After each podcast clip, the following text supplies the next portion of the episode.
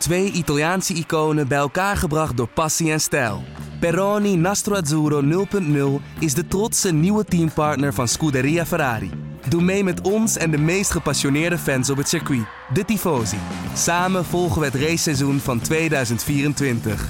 Salute, Tifosi! Goeiedag, bijzonder fijn dat je weer luistert naar de Bordradio, de Formule 1 podcast van nu.nl. Abonneer je vooral ook even op de Bordradio eh, via iTunes of je eigen favoriete podcast app. Ja, Max Verstappen heeft het weer geflikt in Mexico. De Nederlander won zei, uh, dankzij een spectaculaire start, net als vorig jaar, de Grand Prix daar. Waarin Lewis Hamilton zijn vijfde wereldtitel binnensleepte. Over dat en veel meer gaan wij het hebben. En wij, dat zijn onze Formule 1-verslaggevers Joost Nederpelt en Patrick Moeken. Mijn naam is Daan Smink. Laten we met die uh, uiterst koelbloedige, knappe zegen van Verstappen beginnen, jongens. Want uh, daar kunnen we niet omheen, die start. Het leek er even op dat Hamilton toch echt het, het beste weg was. Maar Joost, zag je aankomen dat Max Verstappen hem er nog net even voor zou zetten voor die eerste bocht?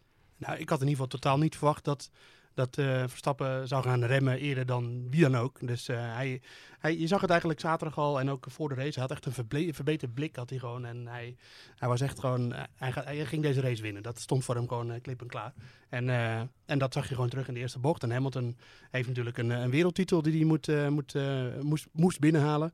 Verstappen die heeft niets te verliezen. Die dacht, ik ga deze race winnen en, en anders dan, uh, dan eindigt het maar in tranen. Dus uh, ja, hij, uh, hij ging als laatste remmen. Dat stond van tevoren al vast en dat deed hij dan ook. En echt een mooie actie binnendoor.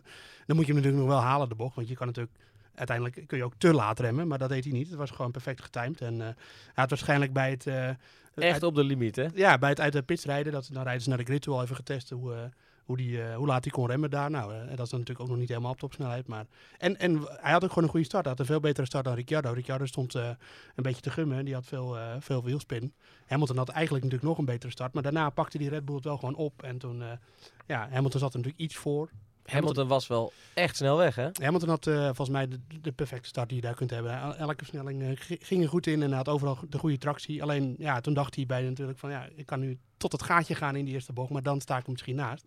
En als Vettel dan wint, dan uh, duurt het nog weer een race langer. En als dit de laatste kans was voor Hamilton om wereldkampioen te worden, tussen wel of geen wereldkampioenschap, dan waren ze er misschien samen afgevlogen. Dan, dan had hij hem in ieder geval voorgegooid. Dan had hij het anders aangepakt, denk ik, ja. En dat was ook het voordeeltje voor Verstappen. Maar ja, dan, dan nog, dan moet je het nog wel even doen. En daarna sloeg hij gelijk een gaatje en hield de banden netjes. dus ik vond het echt een race uit het boekje van Verstappen eigenlijk, ja. Ja, want uh, toen hij eenmaal weg was, toen uh, was hij weg en toen was al redelijk snel duidelijk dat, dat niemand hem meer terug zou pakken. Ja, zeker dat Mercedes al snel problemen kreeg met graining, dat je van die korrelvorming op de banden krijgt. En dat, daar had Hamilton al heel, veel, heel snel last van. En toen, ja, toen was voor mij duidelijk van ja, Verstappen heeft deze race eigenlijk in de tas. Het enige wat nog kan gebeuren is dat hij, dat hij stilvalt. Hè, daarover later meer met Ricciardo. Maar uh, verder uh, was het gewoon ja, onbedreigd eigenlijk. En Ferrari deed nog wel een poging. En die hadden wel op zich een interessante strategie met, met Rijkonen. Die natuurlijk de boel eventjes ophield. Maar daar had Verstappen eigenlijk alleen maar voordeel van. Want daarna werd dat hield niet lang stand. Nee, en had ook nog een DRS daardoor. daardoor dus toen had hij in een, een paarse tijd in de eerste sector. De snelste tijd. Dus uh, ja, nee, uh, uh, uit het boekje en, en onbedreigd eigenlijk. Ja, ja om, om, je noemde net Ricciardo al eventjes. de man die van Pol startte en, en beroerd startte en voor wie de race wel in tranen eindigde. Enorm verschil met, met Verstappen. Maar Ricciardo dus van Pol, die, die kwalificatie, die was, was al, ook al zinderend hè Patrick? Ja, weergaloos. Echt weergaloos. Ik denk een van de spannendste kwalificaties, nou zeker van dit seizoen. En misschien wel voor, van de afgelopen jaren. Gewoon drie teams die voor Pol konden gaan. Dat was fantastisch. En toch wel opvallend, hè? want Verstappen die heeft uh, Ricciardo eigenlijk in de, in de tas op de zaterdag. Alleen behalve op de, op de zaterdag waarop hij uh, echt voor Pol kan gaan. En dat is natuurlijk wel uh, extra jammer voor Verstappen. En ja, had er, bij de start had hij er weinig last van, dus dat maakt ook niet heel veel uit. Nee, dat is achteraf. Maar hij wilde eigenlijk kosten wat kost. Hij zegt die records en zo doen me niet zoveel. Ik wil gewoon winnen. Hij had de jongste coureur ooit uh, op pol kunnen zijn. Dat werd hij nu niet. Maar de frustratie bij Verstappen zat hem er denk ik vooral in. Dat hij dacht, ja, hier kan het. Ik heb nu de auto. En hij had, hij had volgens mij zeker niet meer op Ricciardo gerekend. Niemand nee, volgens nee. mij. Hij zei zelf ook van, ik had wat problemen. Hè. En nu moeten we wel afvragen of dat ook... Ik heb dat nergens bij Red Bull terug, uh, teruggehoord. Of dat echt zo uh, was. Aan de andere kant denk ik van ja, hij zal dat niet, uh, niet voor niets zeggen. En het is natuurlijk wel opvallend hè, als je wel het hele weekend ook al structureel sneller bent dan Ricciardo. Dat je er dan op het moment suprem niet voor ja, staat. Alle vrije trainingen was hij snel. Alle vrije trainingen, uh, Q1, Q2. En eh, in Q3 gaat het, eh, gaat het mis. Het was ook opvallend dat eh, ze deden natuurlijk twee runs in Q3. En in de eerste run zette iedereen eigenlijk een goede tijd neer. En de Ferraris en zo, die verbeterden zich allemaal niet meer. En toen kwam in een, ja, echt als een duveltje uit een doosje Ja. kwam Ricciardo er nog aan. Die had ook in de eerste run helemaal geen goede tijd. En toen stond hij er in ene toch voor. Ja, dat is, voorheen was dat wel een kwaliteit van Ricciardo. Dat hij gewoon van die last minute kwalificatierondjes eruit kon persen. En dat ja, was eigenlijk een beetje de, de oude Ricciardo die we weer zagen. Dus Ja, ja, precies. Want je moet Ricciardo ook inderdaad niet onderschatten. Hè. Dat, eh, Ricciardo was altijd gewoon echt een kwalificatiebeest. Eh, de afgelopen seizoenen verloor eigenlijk nooit van iemand eh, op de zaterdag.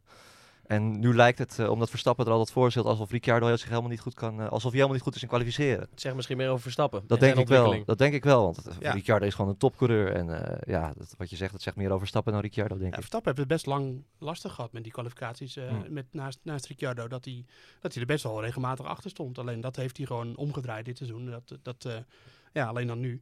Alleen ja, dat, natuurlijk dat record, dat, dat neemt hij, eh, dat, dat zit hem echt wel diep. Dat, natuurlijk wil hij dat record hebben. Dat, dat kan bijna niet, dan ben je geen sportman. Eh, ik wil niet dat zeggen dat Verstappen geen sportman is, maar elk record is dan toch belangrijk voor je. Dat, eh, ja, hij was natuurlijk gewoon ook vooral boos. En ja, dat, dat engine braking, daar klaagt hij eigenlijk het hele seizoen al voor, over. Dat ze de wielen blokkeren, vooral als hij dan terugschakelt voor een bocht. Ja, dat was precies wat hij nu zei over die Ja. kwalificatie. Hè? Ja, we weten niet of Ricciardo daar ook last van had. Want dat is natuurlijk dezelfde auto en die heb ik daar eigenlijk niet over gehoord, Ricciardo. Maar ja, dat was gewoon vervelend. Ik denk dat hij dat, natuurlijk is dat ook frustrerend. Dan denk je van, eh, nu kan het echt. En eh, we hebben hier de, de auto gaat hier heel erg goed. En dan is er toch weer een probleempje wat opduikt.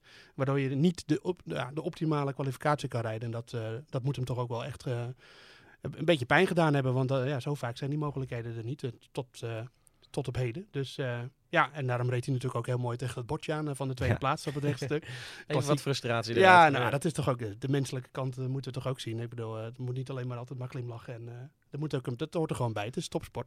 Nee, zo is het. Ja. Terug naar de race.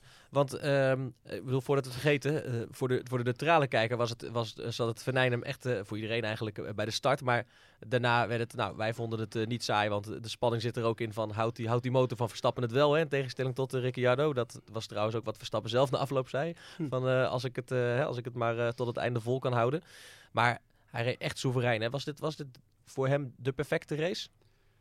Ja, ook wel. eh ik moet wel zeggen, dat, dat moet je natuurlijk wel in perspectief zien. Hij had een fantastische race, maar hij was ook redelijk onbedreigd. En dan, ja, ik vond bijvoorbeeld Singapore, dat vond ik echt een hele knappe race van hem. En daar, eh, daar eh, had hij natuurlijk continu druk van achteren. Hij had een auto die daar ook al echt slecht eh, functioneerde. Ja, maar hier, ik bedoel ook te zeggen dat het, het leek hier zo makkelijk te gaan, maar dat komt misschien ook gewoon omdat hij zo sterk was. Ja. Zo makkelijk nam die afstand, ook als je het vergeleek met, hè, voordat Ricciardo uitviel, met Ja. het, het verschil tussen hem en Ricciardo in snelheid. Ja, maar dat heeft ook te maken met eh, hoe de auto daar presteerde. En ehm, nou, we hebben het er al eerder over gehad, en dat die hoge eh, ligging van Mexico City, dat is eh, 2200 meter. En daardoor is het gewoon ijle lucht en daardoor werkt alles eh, minder. In de zin van de, de remmen, de, de aerodynamica, de motor. En dat is, ja, er wordt altijd gezegd van de regen is de, great equalizer. Daar wordt alles een beetje gelijk mee getrokken. Maar dat geldt hier eigenlijk ook voor. En als je daar, als je zo redeneert dat het wat meer gelijk is qua wat de motoren kunnen en wat aerodynamisch mogelijk is, dan kun je A zeggen, de Red Bull blinkt dan echt uit, want die hebben heel veel mechanische grip. Hè. Dat is de grip die komt uit de vering en de banden. Ehm, en B, eh, Verstappen is gewoon heel goed. Dat, ja, dat we, het is gewoon een, eh, een, eh, een, een bewijs dat we echt een hele goede coureur in Nederland hebben. Dat, eh, Ja, wa- want dat hij onbedreigd naar de zege rijdt, dat creëert hij natuurlijk ook wel zelf. Ja.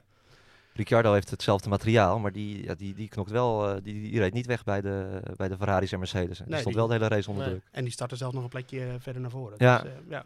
Ja, wat, wat, er viel ook nog wat op eh, voor de start al, hè, Ja, bij Ricciardo, ja. want hij, eh, hij zat er al niet helemaal lekker in. Nee, dat kan, kan je wel zeggen. Op weg naar de crit, dus nog voordat de opwarmronde begint, eh, een, half, ja, een half uur voor de race.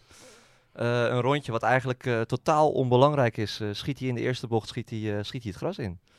En het ging, het ging nu nog dusdanig goed dat hij er geen schade aan overhield. Want hij kon gewoon zijn weg vervolgen en verder weinig aan de hand. Maar ja, dat zie, dat zie je zelden. En dat gaf eigenlijk wel aan dat... kijk, dat is ook de laatste kans dat je nog even met je auto een beetje kan voelen. Dus waarschijnlijk heeft hij wel even zijn remmen geprobeerd. Of, of even, eh, wel een beetje laat geremd van wa- wat is er mogelijk. Ja. Misschien is hij daar dan toch iets van geschrokken of zo, dat zijn vertrouwen een beetje is ja, aangetast, dat wat de- resulteert in die, in die mindere start. Dat Ja. denk ik wel, want eh, ja, ja, je, je, je ziet, je ziet ook dat het misgaat bij de start. En eh, kijk, als, zo, als zoiets goed gaat, dan eh, prima. Maar nu, ja, je vertrouwen is gewoon aangetast. En hij zei ook dat hij ehm, zijn proefstart was ook al slecht. Hij zei, ik had het hele weekend een hele goede proefstart. En nu had, dan doen ze dan uit de pitstart. Dan gaan ze Mhm. altijd even staan. Eh, en dan, eh, komt, dan simuleren ze eigenlijk gewoon de start. En zei hij van, ja, de auto was echt all over the place. En dat, eh, dat zit hem dan in settings, in hoe de koppeling opgrijpt en zo. En dat, dat is, moet ook geregeld worden door het team. Die adviseren hem dan in van, je moet die stand nemen. Of je moet, je de koppeling zo afstellen. Je moet differentieel zo afstellen. En dat was dus al niet goed. En toen was de start gebeurde eigenlijk hetzelfde. Want toen was de auto ook all over the place. Want hij ja, had veel wielspin. Dat is wat ze daar dan mee bedoelen. Dat de achterkant gewoon te veel beweegt en dat je geen tractie hebt. En als je dat dan vergelijkt met, met die sta- start van Verstappen die gewoon goed was. En die start van, van Hamilton, ja, dan sta je al op 1-0 achterstand. En het was ook wel grappig, er werd al gezegd eh, vooraf natuurlijk van... eh, je kunt beter als tweede of derde stappen in eh, start al in Mexico-stad. Want dat rechte stuk is zo ontzettend lang. En dat, ja, misschien had hij dat ook al een beetje in gedachten van... Nou, er komen er een paar van achteraan zetten zo ja, meteen. ja, hij voelde de druk. Ja, Vettel, Hamilton, Verstappen in je nek. Dat, dat is dus even zenuwachtig naar de eerste bocht toe. Dus misschien dat hij daardoor al wat meer stress had dan gewoonlijk. Ja, goed. Verstappen profiteerde er eh, van en eh, schreef eh, de zegen dus eh, op, zijn, op zijn naam. Laten we, laten we even naar de wereldkampioen gaan. Lewis Hamilton hebben we het nog nauwelijks over gehad. Natuurlijk beginnen we met Verstappen, komen we straks ook nog op terug. Ricciardo trouwens ook. Maar Lewis Hamilton, nog twee races te gaan en hij is al wereldkampioen, zijn vijfde wereldtitel. Dat is toch, ja, het, voelt wel bijna alsof het, alsof het normaal is of zo. Maar als je dat hardop zegt, dat blijft toch heel bijzonder. Ja, hij, qua kampioen is hij nu zeker. Hij behoort gewoon tot, een, ja, tot de grootste Formule 1-coureurs aller tijden. Eh, komt op gelijke hoogte met eh Fangio, eh, legendarische coureur uit de jaren 50. Eh, vijf titels, alleen Schumacher nog voor zich met zeven titels. En ja, het is, hij noemt het zelf een horrible, horrible race. Een, verschrikkelijke race. Omdat hij ja, had gewoon heel veel moeite met zijn Mercedes die niet goed liep. Daar komt eh Joost nog wel even op, op terug. Alleen, eh, ja, wat dat betreft past het niet helemaal in stijl van, het, eh, van zijn weergeloze seizoen hè, dat hij heeft gedraaid. Want dat, dat was het natuurlijk wel echt foutloos. Ik, ik zou niet weten, hij heeft volgens mij geen... Nou, eh, misschien dat zullen hele kleine foutjes zijn. Maar verder geen, geen fouten gemaakt. Vond hij zelf ook, hè? Hij noemde het ook geloof ik zijn beste seizoen ooit. ja, nu zegt hij dat wel ieder jaar als hij kampioen geworden is. Dus dat is ook wel weer grappig. Maar daar zit in dit, in dit geval zeker een kern van waarheid in. Omdat hij dit jaar voor het eerst in een hele lange tijd niet aantoonbaar de snelste auto had.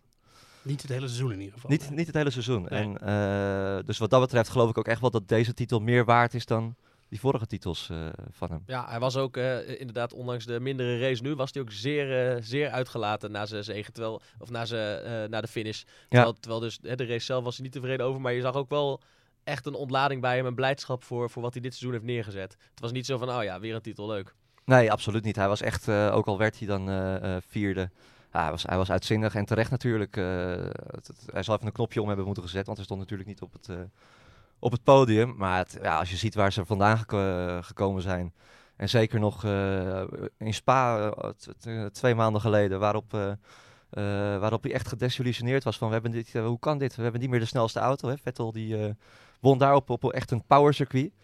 Eh, maar sindsdien ongenaakbaar. Vier keer op rij gewonnen op circuits waar eigenlijk Ferrari de sterkste zou moeten zijn. Eh, dat, zijn altijd, dat zijn natuurlijk eh, een soort van bonuszegers, want hij deelt ook een sneer uit aan, eh, aan Vettel. Hè. Het, hij profiteerde optimaal van die fouten van Vettel.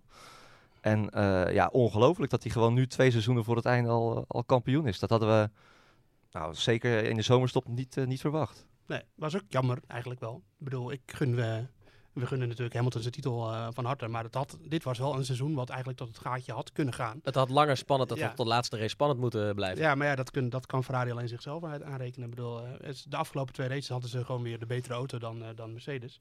En eh, daar, eh, daar ligt het niet aan, die auto. Ja, ze hebben natuurlijk, dat is eh, dat we de vorige keer al behandeld, dat ze een keer een verkeerde afslag hebben genomen met de aerodynamica. Omdat ze, nu reden ze dus met de aerodynamica van Ja, Duitsland. ze hebben dat weer gecorrigeerd. Dat kostte ze wel wat, maar dat had ze niet de titel hoeven kosten. Niet, in principe niet, nee. nee. De, de strategische fouten en de fouten van Vettel, die, nou ja, en Patrick zei het al, dat Hamilton eh, geen fout heeft gemaakt. Mercedes wel trouwens, want die hebben toch wel wat, eh, ook wel wat missetjes ge- gehad. En die hebben natuurlijk die dubbele uitvalbeurt hadden ze in, in Oostenrijk, waar Verstappen uiteindelijk won, waar Vettel natuurlijk eigenlijk ook had moeten winnen.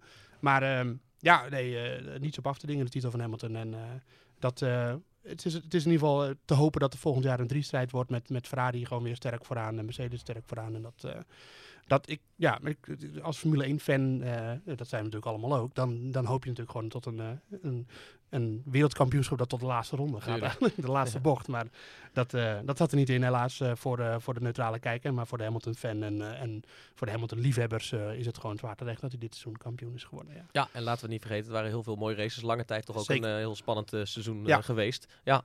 Eh, wat, ik, wat ik me dan afvraag, over Hamilton gesproken, noem net al Fangio.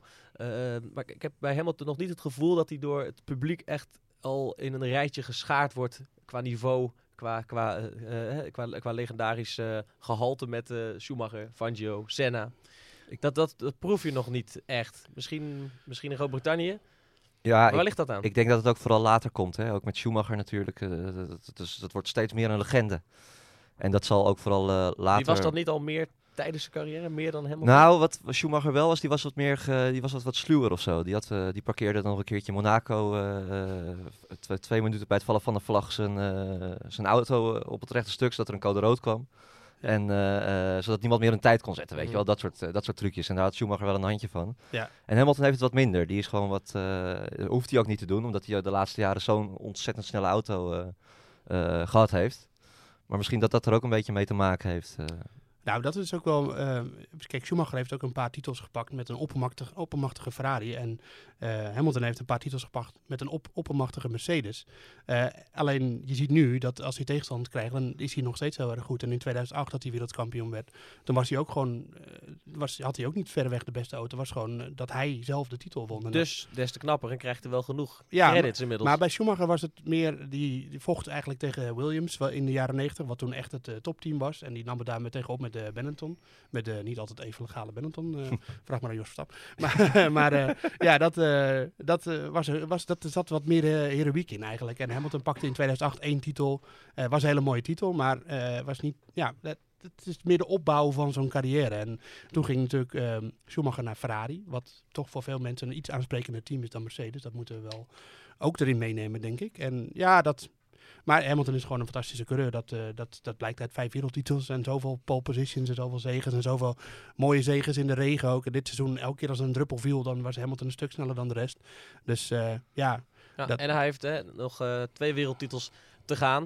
Ehm, en dan staat hij op gelijke hoogte met Schumacher met, met zeven wereldtitels. ja En hij heeft nog een contract voor twee jaar, Hamilton. Dus het, het, zou, precies, eh, het zou precies kunnen. Het zou kunnen, maar het is wel zo dat je... eh, In principe zie je altijd in de, in de Formule 1 dat als een team dominant is, dan, eh, dan duurt dat een paar jaar. En dan worden ze ingelopen door de rest. En dan, Dan worden de regels een beetje aangepast, zodat Ja, het wat dat- spannender wordt. Precies, en dan langzaam maar zeker dan, dan sterft dat weer een beetje af, dat, eh, dat die dominantie. En dat is natuurlijk eigenlijk nu al zo.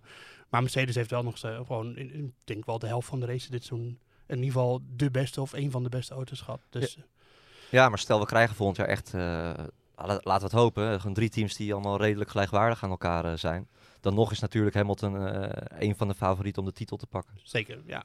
Dus dat wordt, eh, het, wordt- ja, het is echt eh, te hopen dat, eh, dat Red Bull Honda volgend jaar een stapje kan zetten. En dan, eh, Dan wordt het nog interessanter. Zeker, ja. Ja, ja. We, gaan het, eh, we gaan het zien. Box, box, box, box. Joost, we gaan naar jouw rubriek, want we eh, hebben bedacht om er ook elke race wat eh, uit te pikken. Eh, wat je dus als kijker misschien niet direct hebt gezien, maar wat wel relevant was voor de race. En dit keer was er geloof ik iets met de Mercedes banden of met de Mercedes velg aan de hand. Vertel. Ja, nee, de, de Mercedes Velgen, daar was zeker heel veel om te doen. Dat was eigenlijk in Austin al zo, in de, Grand Prix van Amerika. Ehm, eh, Mercedes heeft heel erg last van overhitting van de achterbanden vooral. En dat, dat zag je ook in Austin weer. En dat was ook wel niet geheel ontoevallig, want daar waren die speciale velgen die ze ontwikkeld hebben, waren, zaten niet op de auto. En wat zijn dan die speciale ontwikkelde velgen? Ja, er zitten allerlei gaatjes en luchtkanalen zitten erin. En er zitten ook allemaal sleuven in aan de zijkant, of aan de binnenkant van de velg. En die zorgen ervoor dat de band beter gekoeld wordt. Dus dat er meer lucht naar de, naar de band toe gaat. En dat die lucht ko- komt eigenlijk door de as heen van de auto aan de binnenkant. Ja, het is een heel complex systeem. Maar, maar ehm, Probeer het voor me te zien. Maar ja, het is, je moet het eigenlijk zo zien. Ze hebben een soort van geventileerde velg. En eh, normaal heb je een geventileerde velg die dan zorgt voor de koeling van de remmen. Maar deze, daar zitten allemaal kleine luchtkanaaltjes in. En die zorgt ervoor dat de band ook echt gekoeld wordt. En dat werkt ook best wel, want ze hebben die velg een paar keer, eh, onder meer in Singapore hadden ze die. En dat is ook echt altijd een circuit waar ze last hebben van dat, eh, dat ze de achterbanden opbroken. Dat was nu niet zo. Alleen toen kwam er een beetje discussie over en Ferrari begon vragen te stellen over die vel- velgen. En de, de, de belangrijkste kritiek die er op die velgen was, is dat het een beweegbaar aerodynamisch onderdeel is. En dat mag niet. Los van de DRS-achtervleugel, maar een aerodynamisch onderdeel mag in principe niet bewegen. Nou, doen ze dat allemaal wel, want eh, je kunt eh, op hoge snelheid de camera's in de gaten houden. Dan zie je gewoon de vleugels een beetje op en neer gaan. Maar dat kan de VIA niet testen. Maar je mag in principe geen beweegbare aerodynamische onderdelen hebben. En die velgen, die draaien natuurlijk. En daar zitten luchtkanalen in. En dus daar gaat lucht doorheen. Dus aerodynamisch zou je kunnen redeneren. Ehm, Dat is althans wat Ferrari eh, ja, zegt. en, maar Mercedes was blijkbaar ze- zelf ook niet helemaal zeker van de zaak. Want eh, voor Austin hebben ze die velgen er toch weer afgehaald. Want toen dachten ze van ja, als eh, Hamilton hier wereldkampioen wordt met, een, eh, met die velgen op de auto... en die zegen wordt hem later ontnomen omdat ze toch le- illegaal blijken Ja, te zijn... Dan sta- smetje, ja. ja, dan staat het natuurlijk niet lekker. Maar nu, voor Mexico, waren ze toch weer goedgekeurd, die velgen. Ik wou zeggen, ze laten toch van tevoren keuren. Dus, dus Ja. dan is het toch gek als het achteraf dan, als het nog wordt afgekeurd. Ja, maar de protesten kunnen natuurlijk ook na de race komen. Dus dat, dat Ferrari denkt van nou, laat hem lekker winnen. En dan eh, gaan we daarna wel klagen. Dat hebben we natuurlijk ook eerder... Ja, maar dit- worden ze dan alleen gekeurd, eh, gecontroleerd als er protest is geweest? Ik bedoel, ze worden toch vooraf gecontroleerd en Ja, als ze dan een eis voldoen, dan mag het. De FIA controleert niet alles. Dat is gewoon, eh, ze controleren veel, maar ze kunnen niet alles controleren. Dus dat is een beetje, het is echt, komt, he- het, Ferrari klinkt nu als een soort van eh, verrader, maar dat doen alle teams bij elkaar. Mercedes doet dat ook bij Ferrari. En Ferrari gebruikt wel meestal de tactiek dat ze zeggen van, eh, dat ze weten dat een ander team iets heeft, eh, iets wat zij niet hebben. En dan zeggen ze gewoon tegen de FIA van, ja, wij willen dit en dit gaan doen. En, en dan zegt de FIA, en dan zeggen ze, mag dat? En dan zegt de FIA van, nee, dat mag niet. Oh, want dat hebben zij ook. Ja. Maar dat hadden ze nu niet gedaan. Alleen- Klassieke truc. ja, dat, dat hadden ze nu niet gedaan. Ze hadden nu gewoon alleen maar een beetje ja, wat vragen erover gesteld. En ze waren geloof ik niet de enige. Er waren meer teams die vragen over die ve- velgen van Mercedes hadden gesteld. Ehm, dus toen besloot Mercedes van, nou oké, dit willen we niet. Dus we halen ze eraf. Maar voor Mexico laten we ze gewoon checken door de FIA. Nou, de FIA heeft ze goedgekeurd. En nu zaten ze er weer op. Dus dat, eh, Die gaan we vaker zien. die gaan we vaker zien. En dan, wat je nu gaat zien is dat alle andere teams dat gaan controleren natuurlijk. Hoewel, ja, of ja, kopiëren. eh, of kopiëren, dat bedoelde ik ook, dat woord. Maar eh, ja, het is gewoon een interessante kwestie. En het heeft Mercedes hier niet geholpen, in ieder geval in Mexico. Want ze hadden nog steeds heel veel last van de banden, meer dan alle anderen. Maar interessant thema in ieder geval. Ja, ja, en het heeft ze niet geholpen, zeg je. Maar goed, misschien hadden ze anders nog meer last van de Dat banden je gehad. Ja, je weet niet is wat hun conclusies zijn. Ja. Nee, Ja. nee, zeker niet. Oké, blijven we ook in de gaten houden. Interessant. Eh, nog meer techniek. Misschien iets minder complex, tenzij we helemaal gaan uitleggen hoe die motoren werken. Maar dat gaan we nu geloof ik niet doen. Eh, maar wel een terugkerend onderwerp, eh, natuurlijk ook in deze podcast. Want zeer cruciaal voor het volgend seizoen. Eh, Honda versus Renault, als we het over de motor hebben. Eh, Patrick, die soap, wat hebben we dit weekend gezien? Wat hebben we geleerd? Zijn we wijzer geworden? Eh, biedt, het, eh, biedt het meer perspectief nog voor Verstappen en Co. voor volgend jaar? Nou ja, in zoverre, Gasly heeft weer een nieuwe motor gebruikt. Die had daar een gridstraf voor ontvangen. Met Toro Rosso. Bij Toro Rosso inderdaad. Eh, moest achteraan starten, is als tiende geëindigd. En dat is toch wel eh, ja, hartstikke knap eigenlijk. Met een, eh, ja, met, eh, het is niet zo dat eh, Verstappen die rijdt naar, eh, naar het podium, maar... Dat Als- is met een Toro Rosso niet reëel. Nee, precies. Dus dit is gewoon een, eh, een prima prestatie. En de kritieken die je hoort, ook vanuit eh, verschillende media en ook vanuit eh, het Red Bull kamp, dat, dat die motor gewoon hartstikke goed is. Eh, ze hadden in, bij, de vorige Grand Prix, toen werd Horner ook gevraagd van, kunnen jullie al een soort inschatting maken van wat, wat deze motor nou zou doen in een Red Bull? En toen had Horner gezegd, hij zei, we hebben wel geprobeerd en dat zou dan een dikke halve seconde zijn in de kwalificatie al, die ze nu al met deze Honda motor in de Red Bull zouden pakken. Maar is dat, is dat niet echt nog best wel natte vingerwerk? Dat is best wel natte vingerwerk. En, dan- maar dat doen ze, ik denk dat het ook een beetje een soort van aanmoediging is. En ook tegelijkertijd Mm. om Renault weer een beetje eh, Ja. onder Ja. druk te zetten. Ja. Maar Ja. toch, je moet niet onderschatten hoeveel, hoe gigantisch veel data die teams hebben. En dat is, dat is, dat is voor een mens, menselijk brein bijna niet te bevatten. Ze hebben echt allemaal zo'n supercomputer waarin ze allerlei dingen doorrekenen. En dat kunnen ze ook best wel in de simulator, eh, tot op redelijke nauwkeurige hoogte kunnen ze dat wel simuleren. Dus Ja. Kijk- Ja, Horner baseert zich dus wel ergens op. het, is, Ja. het is niet echt natte vingerwerk, het is meer een beetje vochtig vingerwerk. Is het. Kijk, en, en ze zullen ook echt wel heel erg overtuigd ervan zijn. Want anders, eh, het is natuurlijk makkelijker om zich een beetje te gaan indekken. hè, Van jongens, volgend jaar gaan we toch een beetje Ja. rustig beginnen. En we Ja. kijken het even aan. Maar dat, nee, ze, dat, als ze zegt ja, half seconde sneller. Dat eh, reken maar uit. Dan doe je gewoon om de meeste...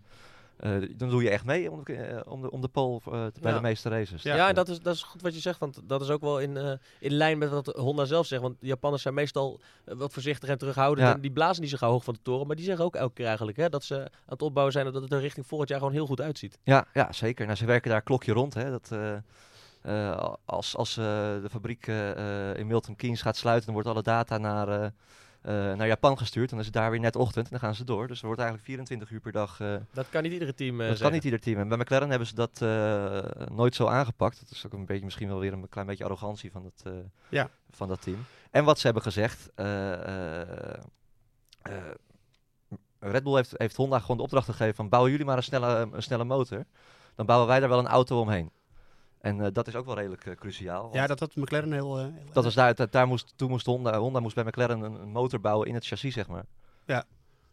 Nee, het is zeker zo dat, dat McLaren die had de opdracht gegeven om zo smal mogelijk een motor met allerlei onderdelen in de... Ja, en je moet zeggen, dat is natuurlijk een V6, dus er staan twee cilinderbanken in een V-vorm naast elkaar. En daar moest alles binnen de V, zeg maar, moest geplaatst worden. Dus turbo, dat soort dingen. Dus dat werd allemaal heel warm en het begon allemaal te trillen. En, en, nu hebben ze bij Toro Rosso een iets andere aanpak. Eh, ze hebben sowieso de gesplitste turbo. Dat is een heel technisch praatje. Dat, maar in ieder geval, dat is iets waar Mercedes in het begin heel veel terrein mee had gewonnen. En heel veel... eh, ehm, heel veel voorsprong mee had in ieder geval. En dat hebben ze nu gekopieerd. Ja, ik bedoel, als je het zelf niet kan bedenken, dan eh, moet je het gewoon kopiëren natuurlijk. Dat is terecht, dat doen ze allemaal.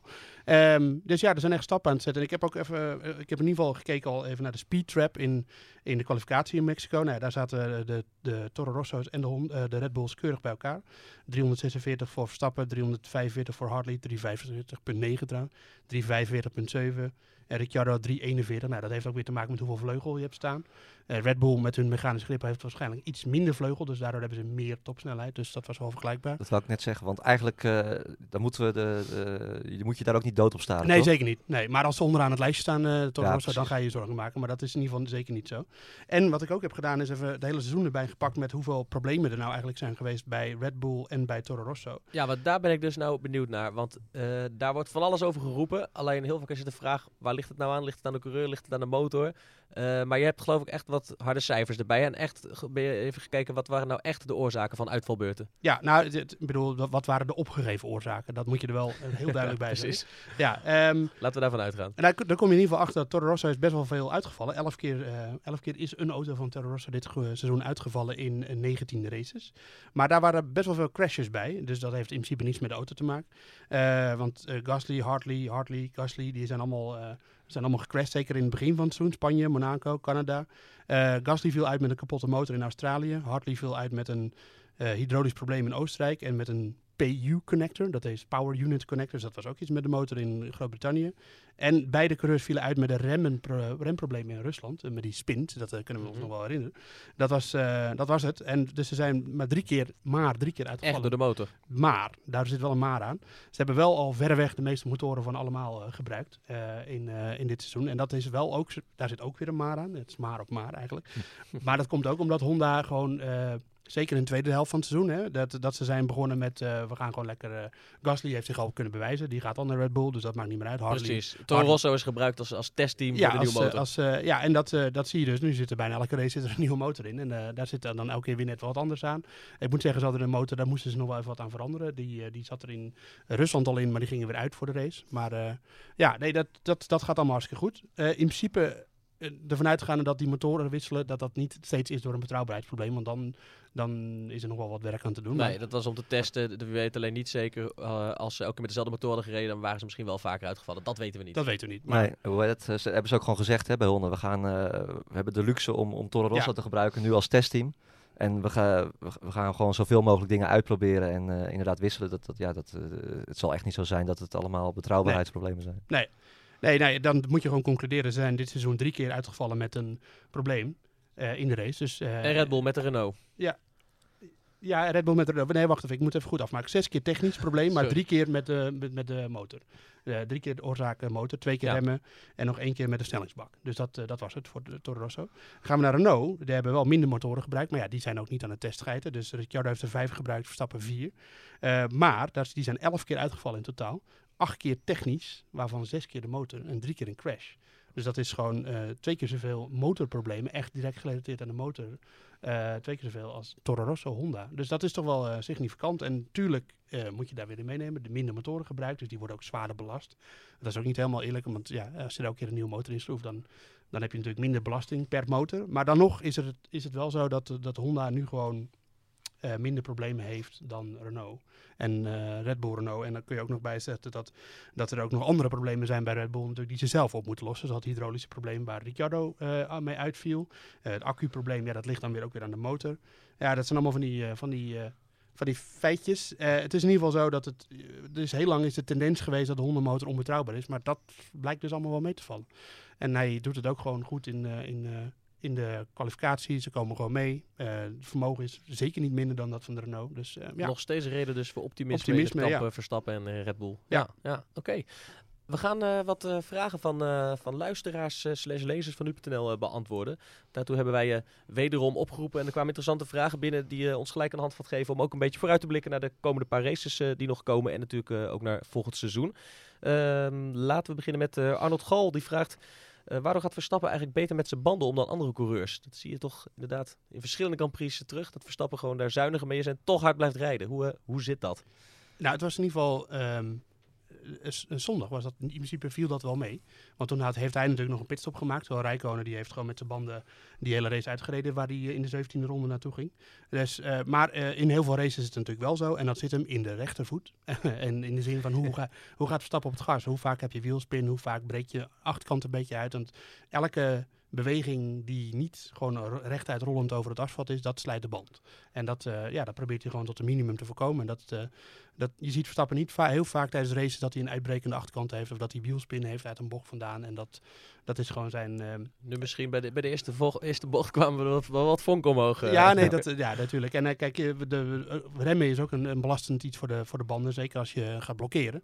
En dat, eh, dan krijg je een platte kant. Maar eh, Dat, dat zie je ook bij Verstappen. hè. Je ziet hem bijna nooit, eh, als het al, misschien, misschien wel eens tijdens een gevecht, maar je ziet hem bijna nooit tijdens een race eh, een wieltje blokkeren of zo, weet je wel. Dat, eh, en dat, dat helpt natuurlijk ook als je dat gewoon allemaal, allemaal als je daar weg van blijft. Hij is het meest één met de auto, mogen we, mogen we het zo een beetje zeggen. nou, hij heeft, Zeker nu, ja. Ja, hij heeft daar gewoon heel veel feeling mee met, eh, met de remmen. En dat is, dat is hij niet de enige in hoor. Dat kan Hamilton bijvoorbeeld ook heel goed. En daar liggen de problemen. De banden liggen niet aan Hamilton. Die kan, die kan het ook als geen ander. En Vettel ook wel.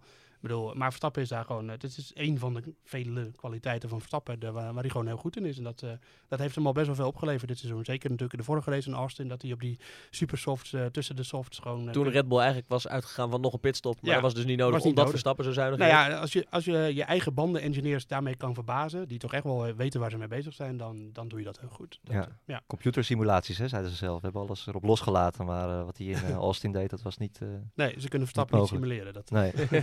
Ja. Mooi is dat.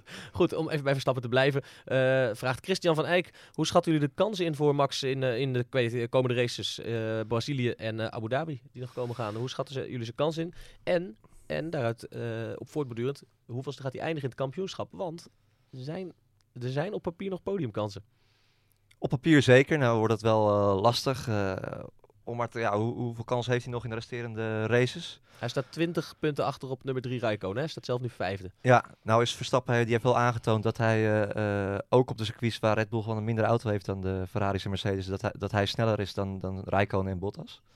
Dus daar kan hij ook, daar kan hij zeker voor gaan eindigen. Of, of, of, of, of hij 20 punten goed kan maken. Dat, dat, dat zal nog wel wat, Kleine kans, hè?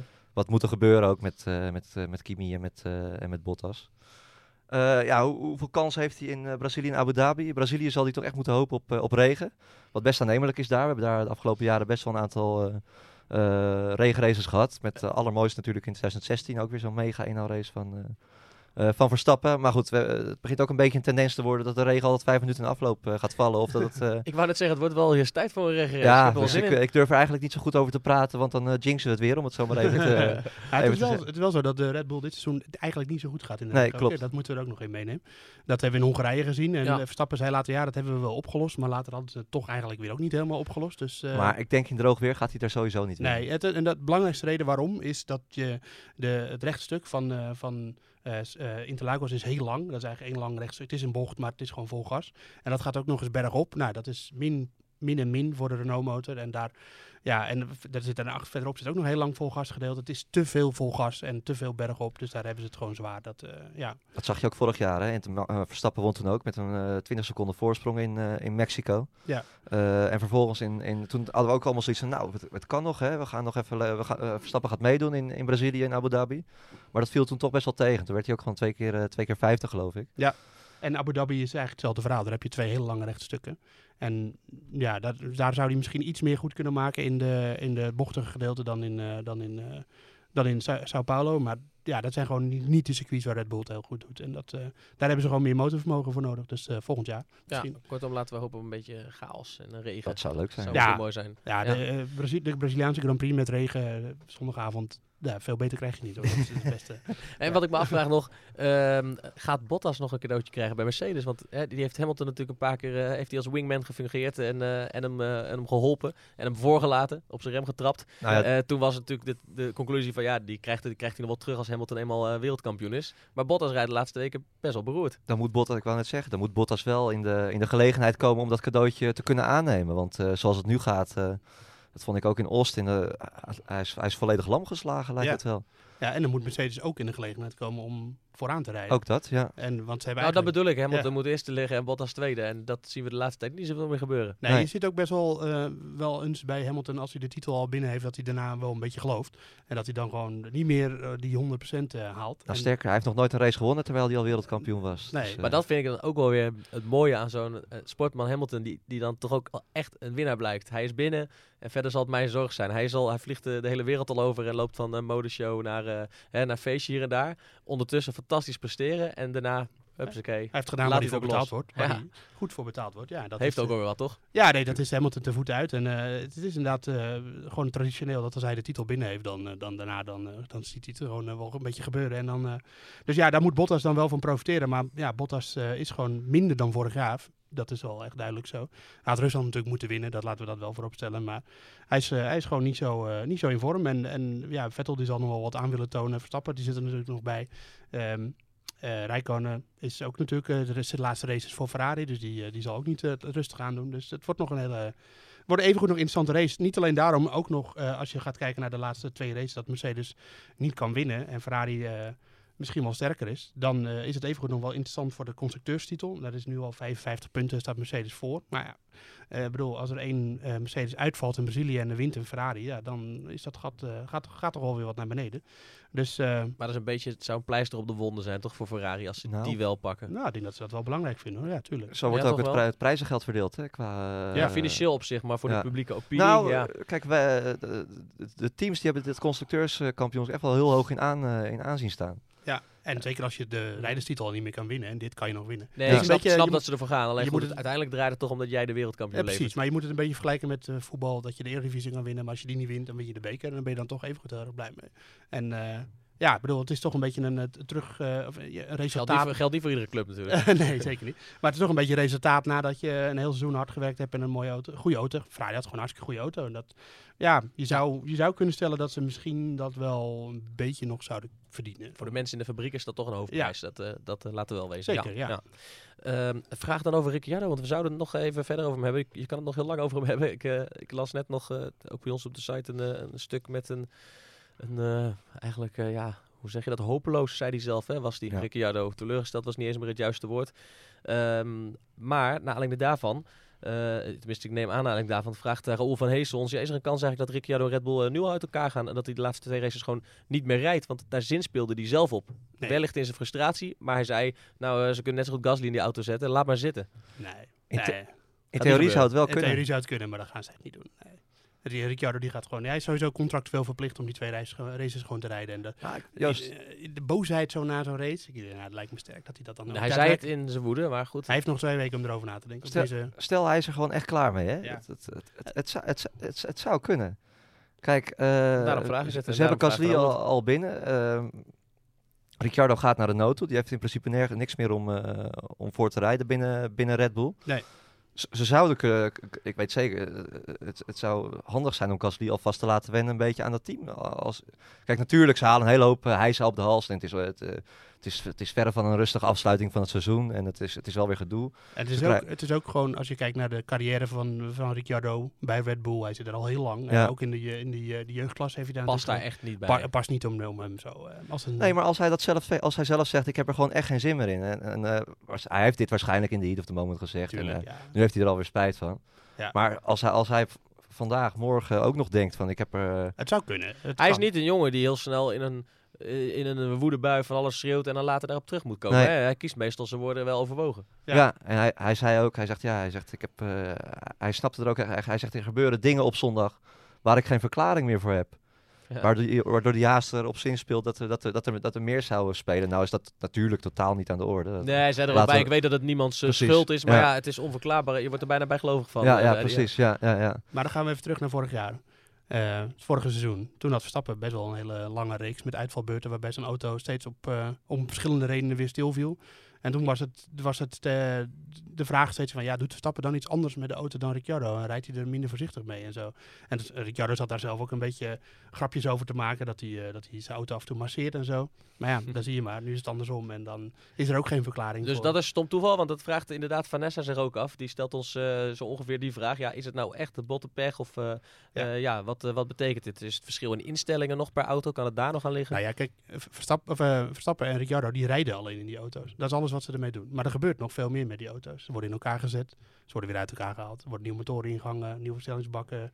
Eh, die motoren worden ook weer door andere mensen in elkaar gezet. Ja, dat is zo'n proces met allerlei betrokkenen. Kortom, die auto's zijn nooit één op één helemaal hetzelfde. Nee, nee, er zit altijd wel een heel klein verschilletje in. Ik bedoel, net dat ene boutje wat net iets verder aangedraaid is, of die ene pakking die net iets beter zit, of dat ene rubbertje wat net iets beter zit. Ja, dat is, dat is eh, ja, daar, daar, daar- daar kun je de vinger niet op leggen. Er, zal, d- er is gerust een, een oorzaak voor. Maar ja, als ik ga kijken naar waardoor Ricciardo nou uitgevallen is dit jaar, dan is het elektrisch probleem, de uitlaat, de motor, de koppeling, de accu, eh, nog een keer de motor. Het zijn allemaal verschillende problemen ook. Dus ja, het is gewoon de pechduivel. Ja, Ja, dat- de pechduivel. En dan gaat die eh, arme jongen naar Renault.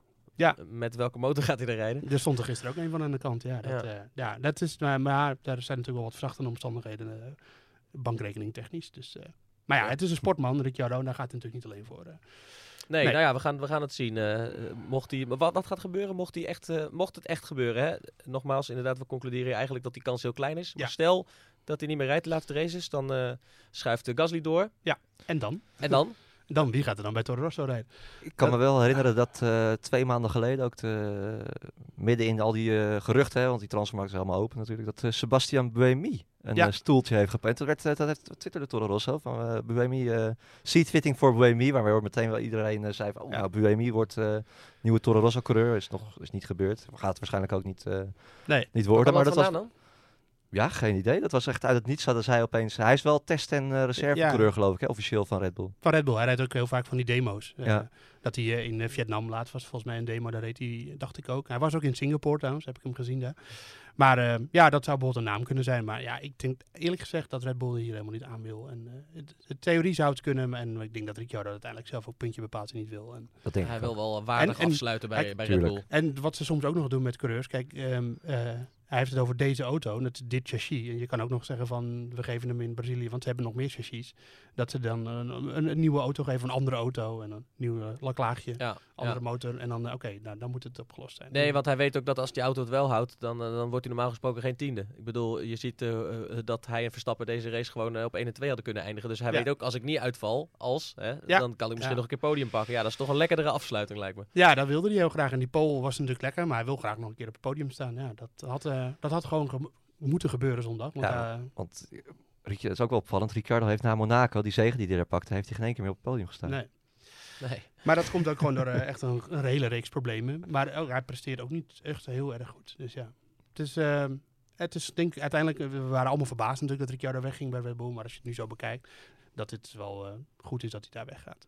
Ja. Vers bloed. Ja, heel benieuwd naar Gasly ook. Zeker. Eh, ja. Nog even over die carousel dan. Want de naam die ook hier en, en overal eigenlijk eh, vaak voorbij hoort komen... is die van Esteban Ocon. Waarvan iedereen eigenlijk hoopt dat hij komend jaar toch nog een stoeltje krijgt... omdat hij gewoon best wel goed is. Is daar nog een beetje zicht op of is dat eh, uitgesloten? Nou, je, hoor- je hoort steeds meer eh, namen hè, circuleren over eh, dat tweede stoeltje bij, eh, eh, bij Williams. Ocon, eh boven alles. eh Sirotkin, eh, de vaste coureur die ze nu al hebben, neemt een hoop geld mee.